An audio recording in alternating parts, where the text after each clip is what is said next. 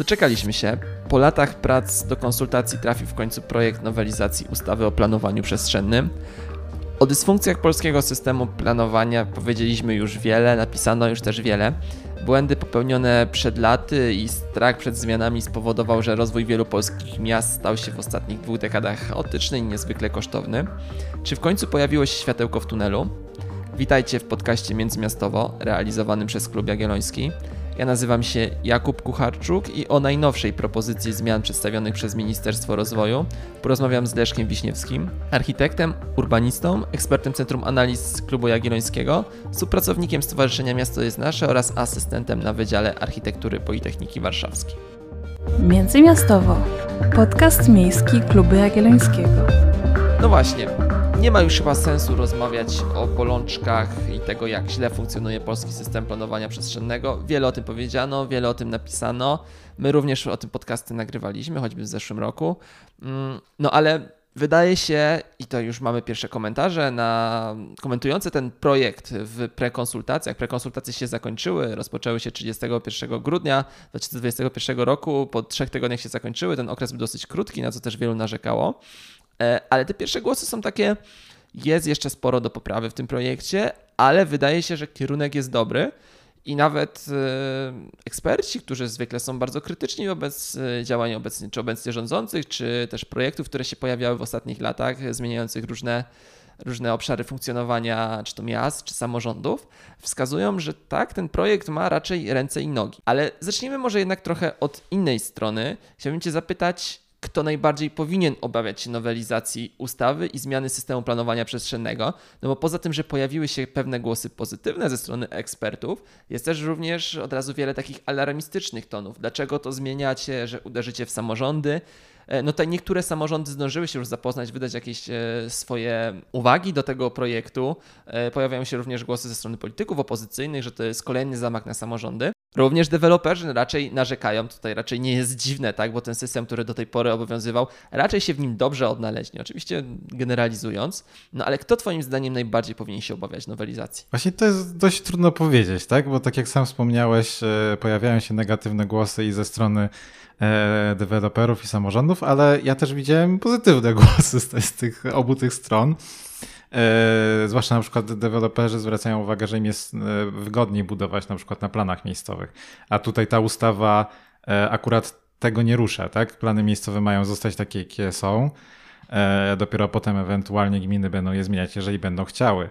E, więc wydaje mi się, że tutaj też jest kwestia konfliktu interesów w ramach tych grup, tak? Że zwłaszcza jeżeli chodzi o samorządy, to wydaje mi się, że duża różnica jest pomiędzy samorządami dużych miast, bo na przykład w ostatnich latach Łódź czy Wrocław uchwaliły e, nowe studia zagospodarowania już na podstawie zapisów ustawy rewitalizacji z 2005 roku, która wymagała analizy demograficznej i oba te miasta trochę ograniczyły przestrzenie przeznaczone pod zabudowę na terenie e, tych miast. I Warszawa, szykując nowe studium, też chce dokonać takiego ruchu. Tutaj po prostu jest takie przeświadczenie, że w tym 2006 roku, kiedy było obecne studium uchwalane, no po prostu za szeroko zakreślono e, ten, ten obszar. E, wydaje mi się, że dużo mogą e, stracić gminy, które nie będą w stanie udowodnić swojego rozwoju poprzez prognozę demograficzną, bo tutaj jest to bardzo silne powiązanie, że nowe tereny można wskazywać e, tylko e, jeżeli prognoza demograficzna no, pokazuje tą potrzebę, czy też e, tam, gdzie na przykład standard mieszkaniowy jest niższy, bo tam mowa jest o bilansie mieszkaniowym, to nie jest to kwestia ilości mieszkańców, ale także tej przestrzeni na każdego mieszkańca w ramach tych mieszkań. Więc wydaje mi się, że tutaj e, będzie po prostu różnica pomiędzy typami samorządów. Jedne mogą e, bardziej się cieszyć, drugie mogą e, mniej, mniej entuzjastycznie do tego podchodzić. Ja widziałem też, że samorządy podchodzą do tego trochę ostrożnie, ponieważ nie wiadomo, jak będzie ta ustawa interpretowana. Obecnie na przykład na podstawie studium raczej nie wypłaca się odszkodowań za to, że jakoś było ustalone zagospodarowanie. E, ale studium jest aktem kierownictwa wewnętrznego, czyli obowiązuje w zasadzie tylko władzy gminy. E, natomiast plan ogólny ma być aktem prawa miejscowego, czyli to będzie już prawo powszechne i jest pewna wątpliwość. Tutaj ministerstwo mówi, że nie trzeba będzie wypłacać odszkodowań, jeżeli się zmniejszy tą powierzchnię pod zabudowę, a gminy twierdzą, że trzeba będzie. Więc e, trochę trudno mi w tej chwili powiedzieć, kto ma rację. Czym jest plan ogólny? Pewnie jeszcze zaraz powiemy. Ja tutaj też na wstępie naszej rozmowy polecę taki e, bardzo ciekawy artykuł Łukasza Pancewicza na stronie klubjagielloński.pl, do którego linkujemy w opisie, który wyjaśnił te najważniejsze rzeczy, które w tej nowelizacji się znalazły i je pokrótce opisał, co ta nowelizacja zmienia. E, no my te pewnie dzisiaj nie będziemy się na tym rozwodzić, bo tych analiz już trochę powstało. Chyba to lepiej czytać niż o tym opowiadać. My dzisiaj zajmiemy się raczej oceną tego, co, co zaproponowali rządzący. E, taką jedną ważną rzeczą też do zaznaczenia na wstępie, no bo e, od nowelizacji sami międzymiastowo nagraliśmy o zbliżających się zmianach w systemie planowania przestrzennego przynajmniej dwa podcasty. E, w zeszłym roku, gdy rozmawiałem z ministrem, minister Anną Kornecką, która wtedy odpowiadała za ten projekt, już wtedy było wiadomo, że został porzucony projekt kodeksu urbanistyczno-budowlanego, który miał być rewolucją. Miał e, wywrócić do góry nogami cały system planowania przestrzennego. Prace na nim trwały parę lat. Potem urzędnicy, może też po wymianach personalnych, ale jednak postanowili, że to będzie zbyt duża rewolucja, że zatrzyma to proces budowlany w Polsce, że deweloperzy nie będą wiedzieć, co robić, że urzędnicy, samorządowcy się pogubią. No i ten pomysł porzucono. E, no i wielu ekspertów odebrało to z bardzo dużym rozgoryczeniem, bo prace nad tym trwały przez wiele lat i założenia wydawały się dobre, że to będzie w końcu taki porządny, od nowa stworzony system e, planistyczny. E, w ciągu ostatniego roku opracowano założenia tej właśnie zaprezentowanej nowelizacji ustaw. E, które raczej są ewolucją niż ewolucją, choć w kilku elementach są dosyć, dosyć mocne, wprowadzają kilka radykalnych zmian, jak właśnie między innymi w tym planie, z tym planem ogólnym. Ale czy zgadzasz się z tym tym założeniem tych urzędników ostatniego roku, e, czyli choćby minister Anny Korneckiej, ale też tych urzędników Ministerstwa Rozwoju, którzy powiedzieli, że kodeks urbanistyczny jest zbyt dużym ciężarem jakby dla samorządowców, będzie zbyt dużym ciężarem dla samorządowców i nie powinno go być. Czy jednak żałujesz, że te prace porzucono? Znaczy, powiem tak, z perspektywy jakby czytelności, jasności prawa, system, który byłby napisany od A do Z jako pewne kompletne, e, kompletne ustawodawstwo, pewnie byłby lepszy. Natomiast e, to też przejawia się trochę w komunikacji ministerstwa i ja po prostu, znaczy bardzo rozumiem pragmatyzm. Po prostu wiemy, że te pomysły na kompleksową reformę się nie udały w dużej mierze dlatego, że one wprowadzały tak dużo zmian, że budziło to duży opór, e, różne dyskusje i tak dalej. Z perspektywy czasu, e, ja tutaj zawsze bardzo pozytywnie właśnie oceniam tą ustawę o rewitalizacji, która wprowadziła wiele fajnych elementów, także do, do studium. E, I widzę, że taki, taka ewolucyjna metoda zmieniania tego systemu po prostu jest bardziej, znaczy ma większe prawdopodobieństwo, że ona się w ogóle wydarzy. I ja szczerze mówiąc, tak jak mamy to polskie po powiedzenie, że lepiej, lepszy wróbel w garści niż gołąb na dachu, no to trochę w tym kontekście to widzę. Także tutaj jeszcze warto powiedzieć, że to nie jest koniec reformy, bo ministerstwo jeszcze przygotuje odrębny projekt dotyczący planowania regionalnego, e, w którym być może też będzie planowanie dotyczące obszarów metropolitalnych. E, ale no właśnie wydaje mi się, i to też było tutaj ten, to podzielenie tego, tego zasobu, że tak powiem, zmian było właśnie tłumaczone tym pragmatyzmem. Wydaje mi się, że to rzeczywiście, czy nawet nie wiem, kwestia ewolucji, że nie znikają wz tylko one są w pewien sposób zreformowane, są te naj, najbardziej kontestowane ich elementy usunięte. E, no, wydaje mi się, że to jest po prostu kwestia rzeczywiście takiej trzeźwej oceny rzeczywistości, a te poprzednie projekty no, były bardzo idealistyczne. E, natomiast e, no, no, chyba po prostu nie za bardzo było możliwe ich wprowadzenie w życie.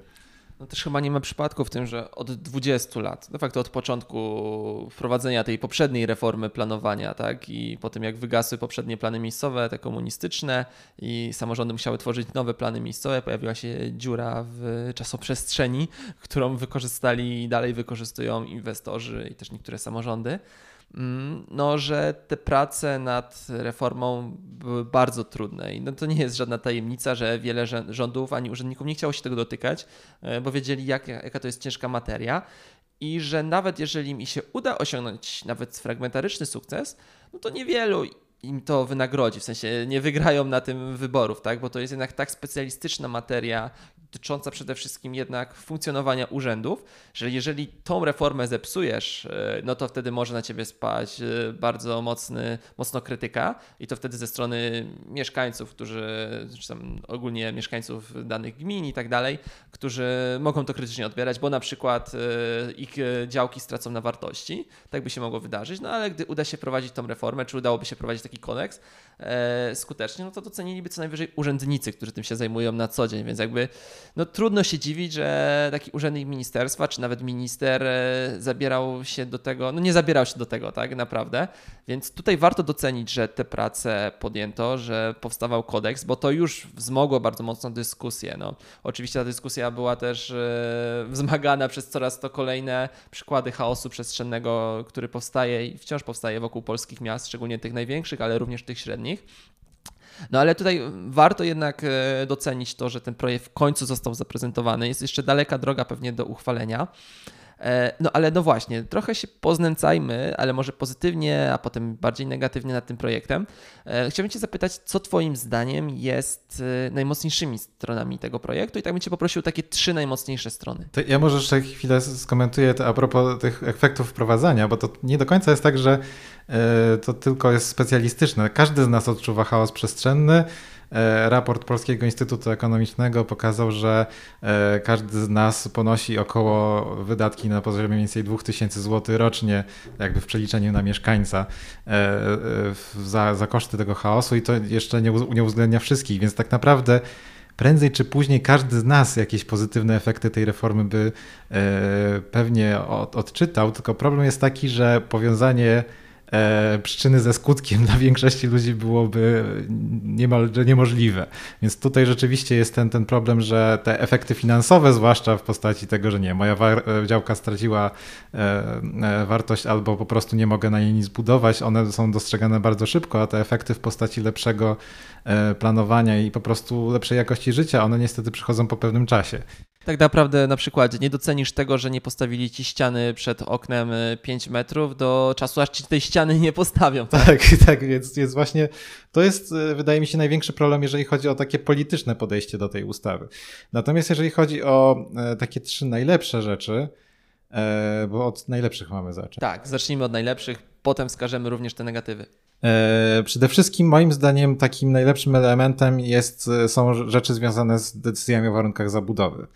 E, one nie znikają, e, co też jest trochę kontestowane w niektórych środowiskach, natomiast e, tak naprawdę pojawiają się pewne elementy, które od lat były powtarzane. Przede wszystkim decyzje o warunkach zabudowy będą powiązane z planem ogólnym, będą musiały spełniać te kryteria, które są w planie ogólnym zapisane, jeżeli chodzi o funkcje, intensywność zabudowy i tak dalej. Jest też ograniczenie obszaru e, tego, który się analizuje, żeby wyznaczyć warunki zabudowy. To, to też było patologią, że gminy potrafiły, nie wiem, parę kilometrów sięgać, żeby wyznaczyć to tak zwane dobre sąsiedztwo i tam jak się przypadkiem znalazł wieżowiec na drugim brzegu rzeki, to możemy postawić, więc, e, więc to, to jest rzeczywiście to ograniczenie takiej dowolności decyzji o warunkach zabudowy e, jest bardzo dobre. Bardzo dobrym elementem jest też to, że gminy będą zobowiązane do wyznaczenia tego tak zwanego obszaru uzupełnienia zabudowy. E, w skrócie można powiedzieć, że to jest teren już zabudowany plus najbliższe okolice, e, gdzie w ogóle będzie można wydawać te decyzje o warunkach zabudowy. Nie będzie można wydać decyzji o warunkach zabudowy dla jakiegoś obiektu w środku pola. E, więc to są takie pozytywne elementy.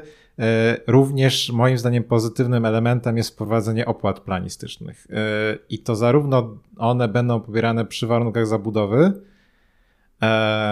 w momencie, tylko w momencie, w którym rozpocznie, będzie wydane pozwolenie na budowę, tak? Bo tutaj też jest ta kwestia, że warunki zabudowy, no jakby niekoniecznie od razu oznaczają inwestycje, nie mówisz o tym, że e, ustawa ma skrócić czas ich obowiązywania. Nie będzie. No właśnie, bo te opłaty planistyczne już w teorii funkcjonują, ale tak naprawdę. E, znaczy, opłaty planistyczne w tej chwili dotyczą planów miejscowych, mm. tak? E, decyzji o warunkach zabudowy. Jak ktoś bardzo chce, to może próbować pobierać opłatę adiacencką, ale z tego co wiem, to chyba żaden samorząd tego nie robi. E, natomiast to, to, skrócenie czasu to dotyczy znaczy jakby samych wz tak, że one w tej chwili są bezterminowe, mają być skrócone do trzech lat. Inwestorzy mówią, że to trochę za krótko. No moim zdaniem, jak się rozciągnie nie wiem, do pięciu lat, to nie będzie też problemu. Najważniejsze, żeby to dekadami nie trwało. E, I, a jeżeli chodzi o te opłaty planistyczne, to jest kwestia taka, że rzeczywiście w tej chwili mamy coś takiego, tylko po pierwsze gmina ma dowolność, może ustawić e, stawkę od 0 do 30%. E, w tej chwili będzie obowiązkowa stawka 30% i ta opłata jest pobierana w momencie, e, w tej chwili jest pobierana, w momencie, kiedy mamy uchwalony plan zagospodarowania przestrzennego, w ciągu pięciu lat, jeżeli ktoś zbywa e, nieruchomość. I to jest rzecz, która jest bardzo często obchodzona w różny sposób, albo po prostu się czeka te pięć lat, albo podpisuje różne umowy, żeby E, to zbycie formalnie nastąpiło po tych pięciu latach, więc tak naprawdę praktycznie prawie nikt tej opłaty nie płaci. A ona została wymyślona po to, żeby się dało sfinansować przedsięwzięcia publiczne, które są zamierzone w planach miejscowych. E, no i ponieważ gminy nie mają środków na realizację tych przedsięwzięć publicznych, to zazwyczaj bardzo niechętnie e, E, wyznaczają różne e, strefy pod te przedsięwzięcia publiczne.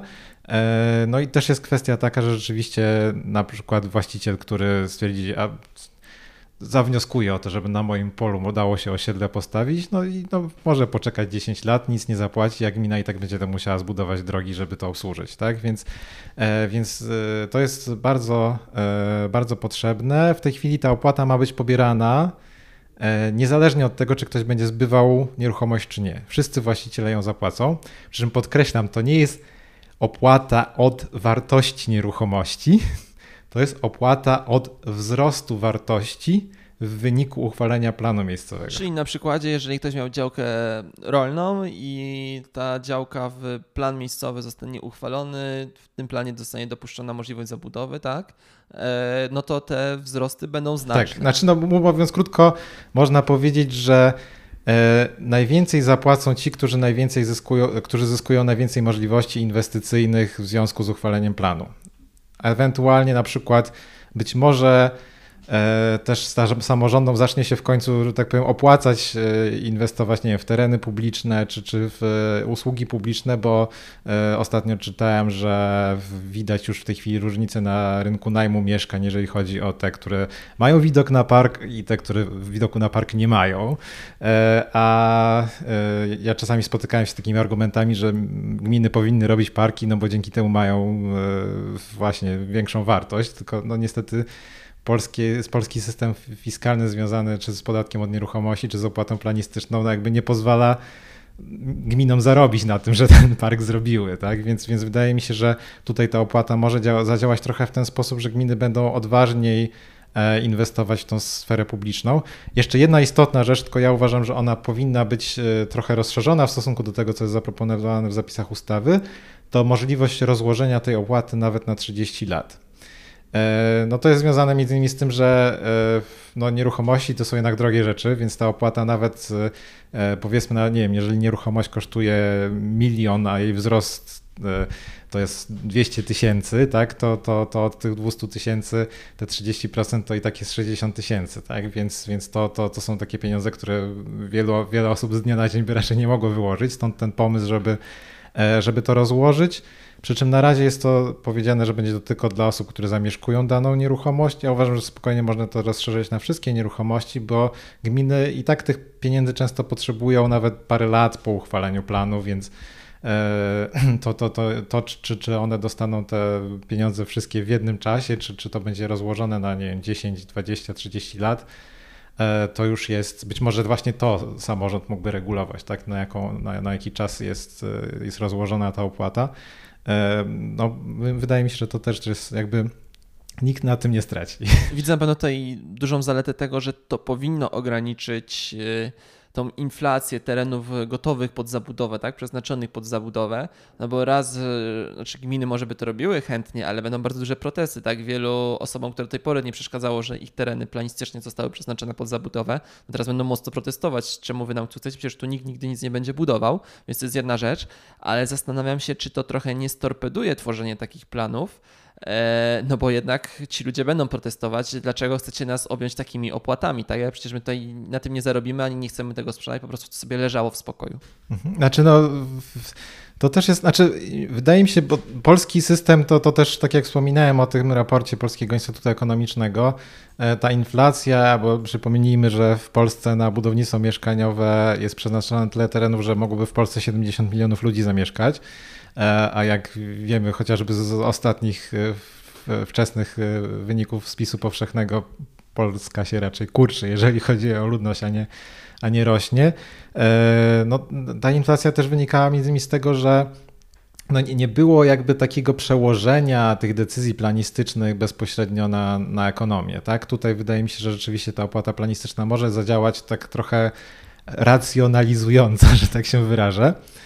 E, więc, e, więc być może taki będzie efekt też, że rzeczywiście będziemy myśleć o tym, że te plany sporządzane, czy, czy, czy ogólne, czy e, tam ustawa mówi o tym, że należy tą prognozę wziąć pod uwagę na najbliższe 20 lat. No to jest taki dość rozsądny rzeczywiście termin, gdzie można mniej więcej jeszcze ten rozwój demograficzny czy przestrzenny przewidzieć, te tak naprawdę dłuższe, dłuższe terminy, no one są no powiedzmy bardzo wątpliwe, jeżeli chodzi o jakiekolwiek prognozy, więc, więc wydaje mi się, że to też jest trochę, być może zmieni trochę myślenie o planowaniu przestrzennym, że to nie jest jakieś takie na wieki, że my musimy teraz zaplanować, e, że tam miasto w 2100 roku to będzie nie miało, nie wiem, 100 tysięcy mieszkańców, jakieś takie, które teraz ma powiedzmy 70, tak? Tylko, że powinniśmy myśleć o tych najbliższych potrzebach i potem przy następnej zmianie jeżeli się okaże, że potrzebujemy więcej terenów, to po prostu przeznaczamy więcej terenów, a nie, że już teraz przeznaczamy tereny, które być może za 50 lat będą zabudowane. W takim razie podsumowując, e, opłata planistyczna, ograniczenie wz i jaki jest trzeci największy plus Twoim zdaniem? E, wprowadzenie standardów urbanistycznych, chociaż tutaj też jest dużo wątpliwości, bo po pierwsze fajnie, że to się w ogóle pojawia. To, to że zresztą, żeby było ciekawie, te standardy są w pewien sposób przeniesione z e, Lex Developer. Ustawy, o której jeszcze powiemy. E, ustawy, która budziła duże, duże opory, a w praktyce właśnie wydaje mi się, że jej najmocniejszą stroną jest to, że ona w ogóle wprowadziła do planowania przestrzennego pojęcie standardów urbanistycznych, bo jego wcześniej nie było. I, I zresztą to jest ten największy problem, że w Polsce jest mnóstwo planów miejscowych, już mówiliśmy o tej inflacji, tak? Są plany miejscowe, które e, są z tym naddatkiem zaplanowane, ale są też plany miejscowe, które z perspektywy jakby teorii urbanistyki no nie spełniają żadnych standardów. One po prostu przeznaczają tereny pod zabudowę, e, natomiast nie kształtują w żaden sposób ani sieci ulicznej, ani sieci przestrzeni publicznych, ani e, dostępu do podstawowych usług i tak tak? I wprowadzenie jakichś standardów najlepiej ogólnokrajowych, chociaż ministerstwo bardzo się przed tym broni, żeby one były ogólnokrajowe, e, no moim zdaniem jest jakąś szansą na to, żeby no, czegoś wymagać, tak? Bo ja uważam, że tutaj wcześniej mówiłeś o, o tym, że, że, gminy e, protestują, że ogranicza się ich e, autonomię i tak dalej. Ja uważam, że od gmin się za mało wymaga, jeżeli chodzi o planowanie przestrzenne. I, I to jest jeden z podstawowych problemów. One dostały wielką odpowiedzialność, jaką jest planowanie przestrzenne, natomiast e, no, jakby nawet mieszkaniec specjalnie nie może za dużo wymagać, bo nigdzie nie jest opisane, jakie te wymagania są. I, I to tak naprawdę niestety dużo dobrej woli z, z, zarządzających danym samorządem zależy to, czy, czy w ogóle jakieś standardy chcą wprowadzać, czy nie. Czyli mamy trzy plusy. No, siłą rzeczy to nie jest też ustawa idealna i pojawiały się różne głosy krytyczne od tych przez które przyszliśmy, właśnie tych obaw samorządów, deweloperów i tak dalej, ale również ze strony ekspertów, na przykład Towarzystwa Urbanistów Polskich, pojawiły się pewne zastrzeżenia. E, to nie są jakby takie lawinowe głosy krytyczne. Zachęcamy oczywiście do zapoznania się z nimi, bo to są spojrzenia z różnych perspektyw. Zarówno Łukasz Pancewicz na stronie Klubu Jagiellońskiego, właśnie e, opinia Towarzystwa e, Urbanistów Polskich, również się pojawiały inne opinie w polskim internecie. Niedawno odbyła się taka duża debata organizowana przez Instytut Metropolitalny, również z różnych perspektyw oceniano tą ustawę. E, no ale jednak, jakie Twoim zdaniem e, pojawiają się największe minusy w tym, co zaproponowano? A te minusy rozumiemy też również przez to, czego w tym najbardziej brakuje, tak, w tej nowelizacji. Znaczy, to też od razu powiem, że ja oceniam przez perspektywę e, tego, co wiem o tej ustawie, na przykład tego, że wiem, że planowanie regionalne ma być wyłączone z tej ustawy i ma, być, ma się pojawić w innym akcie prawnym. E, bo e, to jest taka rzecz, której mi bardzo zabrakło, no ale jakby wiem po prostu z, z ministerstwa, że, e, że jest to świadome, że będzie to, znaczy no z tego pragmatyzmu wynika, że, że to będzie rozdzielone. To, czego mi trochę brakuje, to jeżeli chodzi znowu o te decyzje o warunkach zabudowy, ja uważam, że brak, że brak jest takiego górnego ograniczenia tej ilości metrów kwadratowych, które do których można w ogóle stosować decyzję o warunkach zabudowy. Decyzja o warunkach zabudowy jest decyzją stricte urzędniczą, nie ma tam żadnej partycypacji społecznej. A, a e, mamy przecież takie przykłady, że najwyższy budynek w Unii Europejskiej, czyli Warsaw Tower, jest zbudowany właśnie na decyzję o warunkach zabudowy. Co moim, moim zdaniem to jest jakby trochę pomnik takiej patologii tego systemu planowania przestrzennego. E, więc, więc to brak tej górnej granicy. Co ciekawe, na przykład, jeżeli mówimy o Lex Developer, która w tej chwili staje się zintegrowanymi planami inwestycyjnymi, to tam jest za to dolna granica, od której można stosować, więc tym bardziej uzasadnione wydaje mi się to, żeby e, decyzje o warunkach zabudowy miały tą górną granicę. Czyli jaka twoim zdaniem powinna być ta górna granica? Nie wiem, mówimy o jakiejś pojedynczej kamienicy, tak? Budynku Tak, tak, tak. No generalnie warunki zabudowy i to też jest e, w uzasadnieniu do ustawy napisane, że one zgodnie z pierwotną intencją miały po prostu służyć uzupełnianiu istniejącej zabudowy.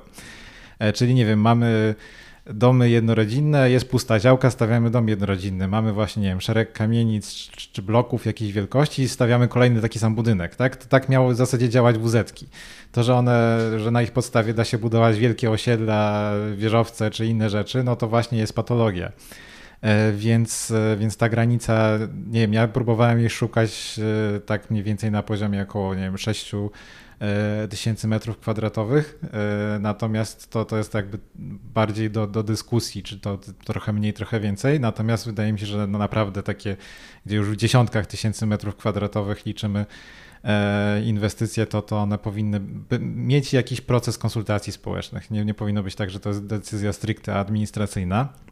Jeżeli chodzi o standardy, to już trochę powiedziałem, że z jednej strony fajnie, że one w ogóle są wprowadzone, E, z drugiej strony w standardach brakuje mi standardów dostępności komunikacyjnej. E, to jest w Lex Developer, a, a nie ma w tej ustawie. E, nie ma żadnych odległości do przystanków i tak dalej. Ja wiem, że to jest bardzo trudne też do ustalenia na, na poziomie całego kraju, natomiast wydaje mi się, że to jest taki element, który powinien się znaleźć, bo jeżeli mówimy o wykluczeniu komunikacyjnym, o którym zresztą też E, klub Jagielloński e, pisał, no to to wykluczenie wynika także właśnie z tego rozlania zabudowy i, i tego, że po prostu stawiamy budynki tam, gdzie się tym transportem publicznym dotrzeć nie da. Na przykładzie jakby to miało działać, jak rozumiem, e, nie można by było postawić dajmy na to gdzieś e, na obrzeżach, e, dalekich obrzeżach Warszawy, bo wiem, że te bliższe już zabudowane, e, ale gdzieś tutaj w obszarze funkcjonalnym Warszawy nie można by było postawić osiedla kilkunastu domków jednorodzinnych, czy tam bliźniaków, jeżeli by nie było tam w obrębie, nie wiem, kilometra przystanku autobusowego, czy... W takim miejscu to wydaje mi się, że po prostu bezpośrednio przy przystankach powinniśmy budować.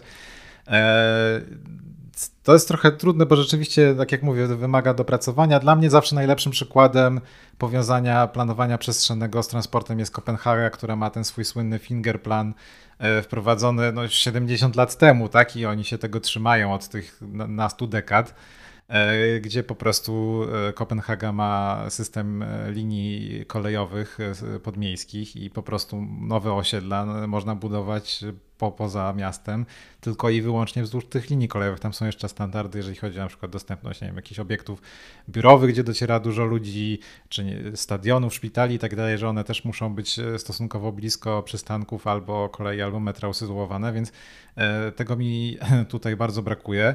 E, Czyli w praktyce likwidujemy za pomocą planowania przestrzennego wykluczenie komunikacyjne, no bo w tym momencie w Polsce jakby likwidacją źle rozumianą wykluczenia komunikacyjnego jest to, że każdy powinien posiadać swój samochód, najlepiej prawo jazdy i dziecko wchodząc w 16 rok życia do szkoły już powinno dojeżdżać samochodem, bo tak te osiedla powstają. Tak, tak znaczy no tylko no właśnie to jest właśnie podstawowy problem, tak, że my się uzależniamy od samochodu i ta transportochłonność tutaj też e, właśnie w uzasadnieniu ministerstwo zwraca uwagę, że ten obecny model rozwoju E, I te koszty, które, o których pisze Polski Instytut Ekonomiczny, to po części są koszty w ogóle rozbudowy infrastruktury, żeby obsłużyć zabudowę, ale to są również koszty właśnie związane z e, korzystaniem z różnych środków transportu, które właśnie przez tą transportochłonność tego sposobu zagospodarowania obecnego no niestety rosną. E, więc, więc tutaj zabrakło mi tego w standardach. Niestety też standardy są fakultatywne. Znaczy, że te standardy, które są zapisane w ustawie, E, w przeciwieństwie do Lex Developer, gdzie one są e, obligatoryjne w całym kraju, samorządy mogą je ewentualnie nieco zmienić. Tam jest, są takie widełki podane, gdzie, gdzie samorządy mogą nieco rozluźnić albo nieco e, zawęzić te standardy. E, tutaj czegoś takiego nie ma. Nie ma żadnych widełek, jest po prostu mowa o tym, że samorządy mogą, ale nie muszą. I moim zdaniem to jest jeden z podstawowych problemów, bo podejrzewam, że te standardy są najbardziej potrzebne właśnie w tych gminach, które e, dobrowolnie nie będą chciały ich wprowadzać, czyli na przykład e, w gminach podmiejskich. Więc, więc dlatego ja uważam, że jednak tutaj powinno być jakieś narzędzie. Ministerstwo się tłumaczy w ten sposób, że po prostu przebadało dostępność bo w standardach w, ustaw, w projekcie ustawy jest dostęp do szkoły podstawowej publicznej i E, do terenu zieleni.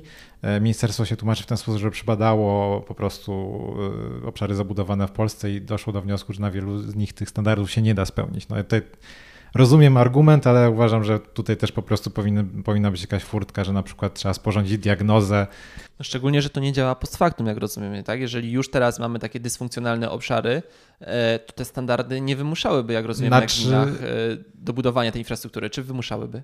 E znaczy nie do końca nie działa post factum, bo e, te standardy dotyczyłyby e, planu ogólnego, dotyczyłyby WZ, dotyczyłyby e, też tych zintegrowanych planów inwestycyjnych E, ponieważ dotyczyły planów ogólnych, to dotyczyłyby też planów miejscowych, tak? Więc, więc jakby e, jeżeli te standardy byłyby dość ostro postawione, to niewykluczone, że w tych obszarach zabudowanych na przykład w ogóle nie dałoby się uchwalić e, nowych planów miejscowych. Z drugiej strony pytanie jest takie, jeżeli mamy na przykład obszar gęsto zabudowany, który nie ma zieleni, E, a są na nim jakieś wolne działki, to czy my powinniśmy na pewno je zabudowywać, czy właśnie dążyć do tego, żeby spełnić ten, ten standard dostępności do zieleni, tak? Więc e, wydaje mi się, że jakaś furtka powinna być, e, tylko że ona powinna być poprzedzona jakimiś argumentami, e, że, że właśnie jest sporządzona analiza, e, być może to powinno działać trochę na zasadzie takiej jak e, w prawie budowlanym mamy odstępstwa, E, bo, bo też jakby no, można w pewien sposób zmieniać zapisy prawa budowlanego, jeżeli się uzasadni. E, wtedy po prostu trzeba na to zgodę ministerstwa. No, ja uważam, że, że one co do zasady powinny być obligatoryjne z pewnymi furtkami. Wolę takie podejście niż sytuację, w której e, to jesteśmy jakby na łasce tego, czy samorząd będzie chciał mieć te standardy, czy nie. Druga rzecz, jeżeli chodzi o te standardy, też kolejny, taki słaby punkt, one są podzielone zróżnicowane, e, jeżeli chodzi o te wielkości i odległości, na miasto i wieś. E, tylko jak ktoś był czasem w wsiach koło Warszawy, Krakowa albo Poznania, no to jakby no, wsiami, to one za bardzo już nie są. E, I, i to, to moim zdaniem też jest taki słaby punkt, że zróżnicowanie na miasto i wieś pod kątem administracyjnym po prostu w Polsce już nie działa, jeżeli chodzi o planowanie przestrzenne. E, no właśnie, to mamy dwie rzeczy, czy jest jakaś jeszcze trzecia rzecz. Wydaje mi się, że takim bardzo mocnym akcentem, przynajmniej w uzasadnieniu tego projektu ustawy, który trafi do prekonsultacji, są właśnie konsultacje i cała sfera partycypacji. E, no to wydaje się bardzo słuszne. Oczywiście o tym by trzeba było szczegółowo rozmawiać z osobami, które się zajmują jakby przeprowadzeniem takich konsultacji, bo tam jest bardzo łatwo wylać dziecko z kąpieli. E, no ale czy Twoim zdaniem tak rozbudowanie tego procesu konsultacji, który przecież jest dosyć problematyczny, bo nie ma co ukrywać, że mieszkańcy, gdy dotyczą ich na przykład sprawy zmiany planu miejscowego, to jest chyba rzecz, która najbardziej angażuje mieszkańców, szczególnie tych dużych miast, tak? Szczególnie jeżeli coś negatywnego ma się wydarzyć w otoczeniu, czyli e, no właśnie, powstanie albo nie powstanie nowa droga, albo wybudują zamiast na, na tym zieleńcu, którego się przyzwyczaili, wybudują nowe osiedle i tak dalej, bo tak plan przewiduje. E, no czy jakby zwiększenie jeszcze wpływu partycypacji na ten proces jest Twoim zdaniem słuszne? E, to ja powiem, że akurat, e, znaczy ja widzę słabe punkty, ale nie tam, gdzie Ty je wskazałeś. W sensie ja uważam, że te zapisy, które dotyczą partycypacji, moim zdaniem mimo wszystko są lepsze niż do tej pory, bo są mniej zbiurokratyzowane. Jest to ten, ten, ten rozdział, bo w ustawie został napisany specjalny rozdział o partycypacji społecznej, który potem jest stosowany do wszystkich e, e, procesów planistycznych, e, że on jednak wychodzi trochę naprzeciw mieszkańcom, zwłaszcza tym, którzy nie są specjalistami, bo tam jest mowa o tym, że powinny się odbywać też spotkania, debaty eksperckie, że powinny na przykład nie być go ankiety i takie niebiurokratyczne elementy planowania przestrzennego. Tam jest taki katalog, z którego gmina może wybrać, jak chce to przeprowadzać. E, natomiast e, te niebiurokratyczne elementy planowania przestrzennego są obowiązkowe. E, fajna jest też inicjatywa uchwałodawcza mieszkańców. Mieszkańcy mogą wyjść z inicjatywą, że chcieliby gdzieś, żeby gdzieś był uchwalony plan miejscowy. Tego do tej pory nie było. To też uważam, że zmiana bardzo na plus. Na minus, chociaż nie do końca jeszcze jestem w tej chwili w stanie to ocenić zapisy dążą do tego, bo ty mówiłeś o tym wydłużaniu i tak dalej. W praktyce ta ustawa dąży do tego, żeby skrócić proces partycypacji społecznej. E, tam jest takie założenie, że te procesy, o których mówiłem, że one będą poprawiały efektywność i w związku z czym on będzie, będzie krótszy, e, że na przykład będzie tylko jedno wyłożenie. E, nie, czy nie będzie tego, że w tej chwili mamy tak, że plany miejscowe potrafią być wykładane, nie wiem, trzy albo cztery razy, bo za każdym razem po uwagach są poprawiane. Tak, i każda drobna zmiana zgłoszona przez radnych czy mieszkańców, która mogła być poprawiona w 15 minut gdzieś tam na karce obok na sesji, bo jest naprawdę, mówimy o bardzo drobnych zmianach, nie jakichś takich rewolucyjnych. Potem po pół roku wydłuża uchwalanie ustawy, a WZ lecą. Tak, więc tutaj jest takie dążenie do tego, żeby ten proces, ja nie wiem do końca, bo to podejrzewam, że dopiero w w rzeczywistości wyjdzie, jak to będzie działało. E, ja uważam, że w tej sytuacji na przykład e, powinna być dopuszczona, e, żeby poprawić ten proces planowania przestrzennego, powinna być dopuszczona na przykład wariantowość projektów planów. Fajnym zapisem jest to, że projekt planu nie musi być zgodny z planem ogólnym. E, potem sam plan już musi być zgodny z planem ogólnym, ale jest taka procedura, że można w trakcie sporządzania planu miejscowego jednocześnie prowadzić procedurę zmiany planu ogólnego, tak żeby ten projekt planu był zgodny z planem ogólnym. E, to rzeczywiście trochę uelastycznia ten cały proces e, planowania.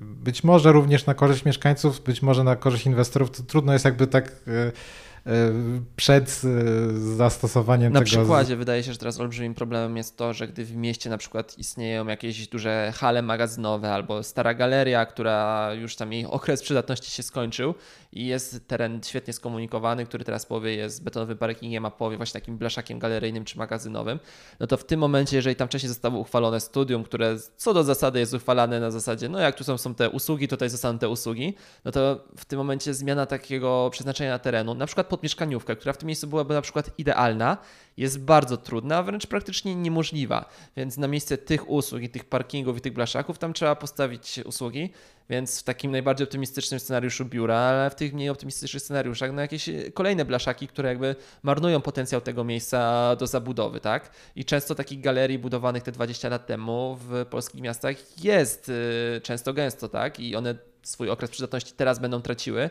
więc takie uelastycznienie wydaje się ma wiele sensu. A czy Warszawa na przykład do takiego uelastycznienia stosuje Lex Developer, e, więc e, e, tutaj można powiedzieć, że być może ta, ta ustawa jest też jakimś tam pokłosiem doświadczeń związanych w ogóle z, z wprowadzeniem Lex Developer. Nie wiem, no tutaj te, te konsult... znaczy, jeżeli chodzi o tą partycypację, żeby zamknąć ten temat, wydaje mi się, że są takie elementy, bo tam też jest kwestia, nie wiem, jakiejś wizualizacji, innych takich rzeczy, że e, jest takie podejście, żeby e, stworzy, ten proces był bardziej otwarty na takiego przeciętnego mieszkańca.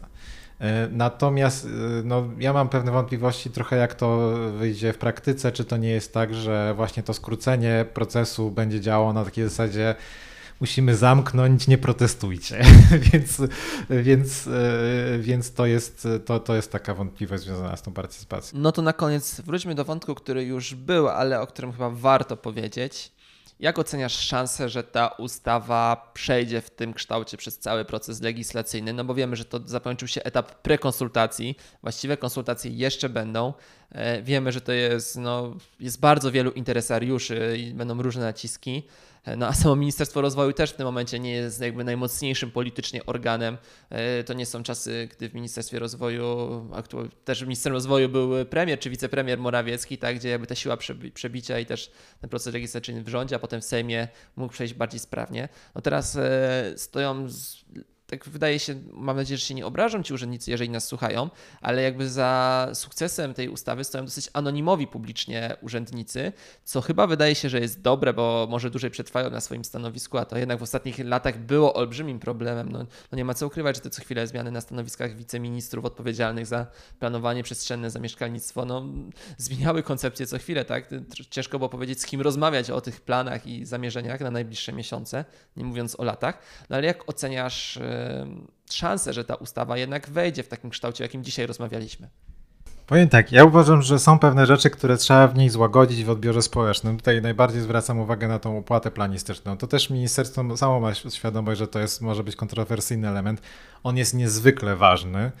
E, więc, e, więc na pewno powinien e, przejść, tylko uważam, że właśnie z takich czysto pragmatycznych względów trzeba złagodzić w odbiorze społecznym ten, chociażby tak jak mówię o tym rozciągnięciu możliwości znaczy, żeby wszyscy właściciele mogli przez dłuższy okres płacić tę opłatę, po prostu będzie to łatwiejsze do przełknięcia przez opinię publiczną, bo są ja podejrzewam, że tak, tak jak już wcześniej skomentowałem, że te takie elementy pod tytułem lepsza jakość życia, to, że właśnie nie ponosimy tych wydatków na transport, czyli tą transportochłonność, e, to, to są rzeczy, które pojawiają się po latach. A w dyskusji wydaje mi się, że najbardziej wybiją się te problemy takie ekonomiczne. I e, dużo będzie zależało, na ile urzędnicy, którzy jeszcze pracują nad tą ustawą, bo ona potem jeszcze trafi do, do konsultacji, zanim, zanim trafi do Sejmu, tych takich oficjalnych, że tak się wyrażę. Na ile będą próbowali tą rzeczywistość społeczną, która nas otacza, jednak uwzględnić w tych e, e, ostatecznych zapisach. E, trochę się obawiam o naszą rzeczywistość polityczną, bo to jest. E, to jest w zasadzie ustawa, która nie powinna e, nikogo, znaczy w sensie moim zdaniem ona nie jest polaryzacyjna, w sensie jakby no chyba wszyscy się zgadzają co do tego, że w Polsce jest bałagan przestrzenny. Możemy się o różne detale kłócić, natomiast e, ja nie wiem, jaka będzie postawa różnych sił politycznych w parlamencie. Podejrzewam, że e, można próbować wyciągnąć to, że to jakoś osłabia samorządy i pewnie być może opozycja właśnie będzie chciała to jakoś e, mocno eksploatować to jest, znaczy, e, to jest ustawa, która jest właśnie o tyle problematyczna, że ona narusza sporo interesów, a ci, którzy mieliby zyskać, zyskają dopiero po dłuższym czasie. Czyli jest bardzo trudna od strony takiej PR-owej, że tak się wyrażę. E, do tej pory te najlepsze zmiany, które przechodziły w planowaniu przestrzennym, tak jak właśnie ustawa o rewitalizacji, która była napisana przez ekspertów i tam pewne rzeczy, właśnie między innymi te o, o tej e, diagnozie urbanistycznej, one były tak trochę cichcem przemycone i po prostu zanim ustawa została uchwalona, to nie, nie wszyscy się zorientowali, jaką one mają moc, a potem dopiero samorządy zauważyły, że trochę ograniczają ich możliwości. Natomiast y, tutaj, jeżeli chodzi o standardy w Lex Developer, to też wydaje mi się, że trochę było tak, że e, ponieważ to był taki bardzo techniczny temat, więc on też e, nie wzbudził specjalnie wątpliwości. Natomiast e, ta ustawa, no właśnie, to jest ten jej problem. Ona jest bardzo techniczna, ale raczej ciężko będzie, żeby ona było, nie była głośna. I najbardziej boję się tego, że e, polska polaryzacja e, polityczna, e, mimo tego, że to jest tak naprawdę w interesie wszystkich, żeby te zmiany zostały uchwalone, będzie próbowała ten temat eksploatować. Bardzo Ci dziękuję za rozmowę.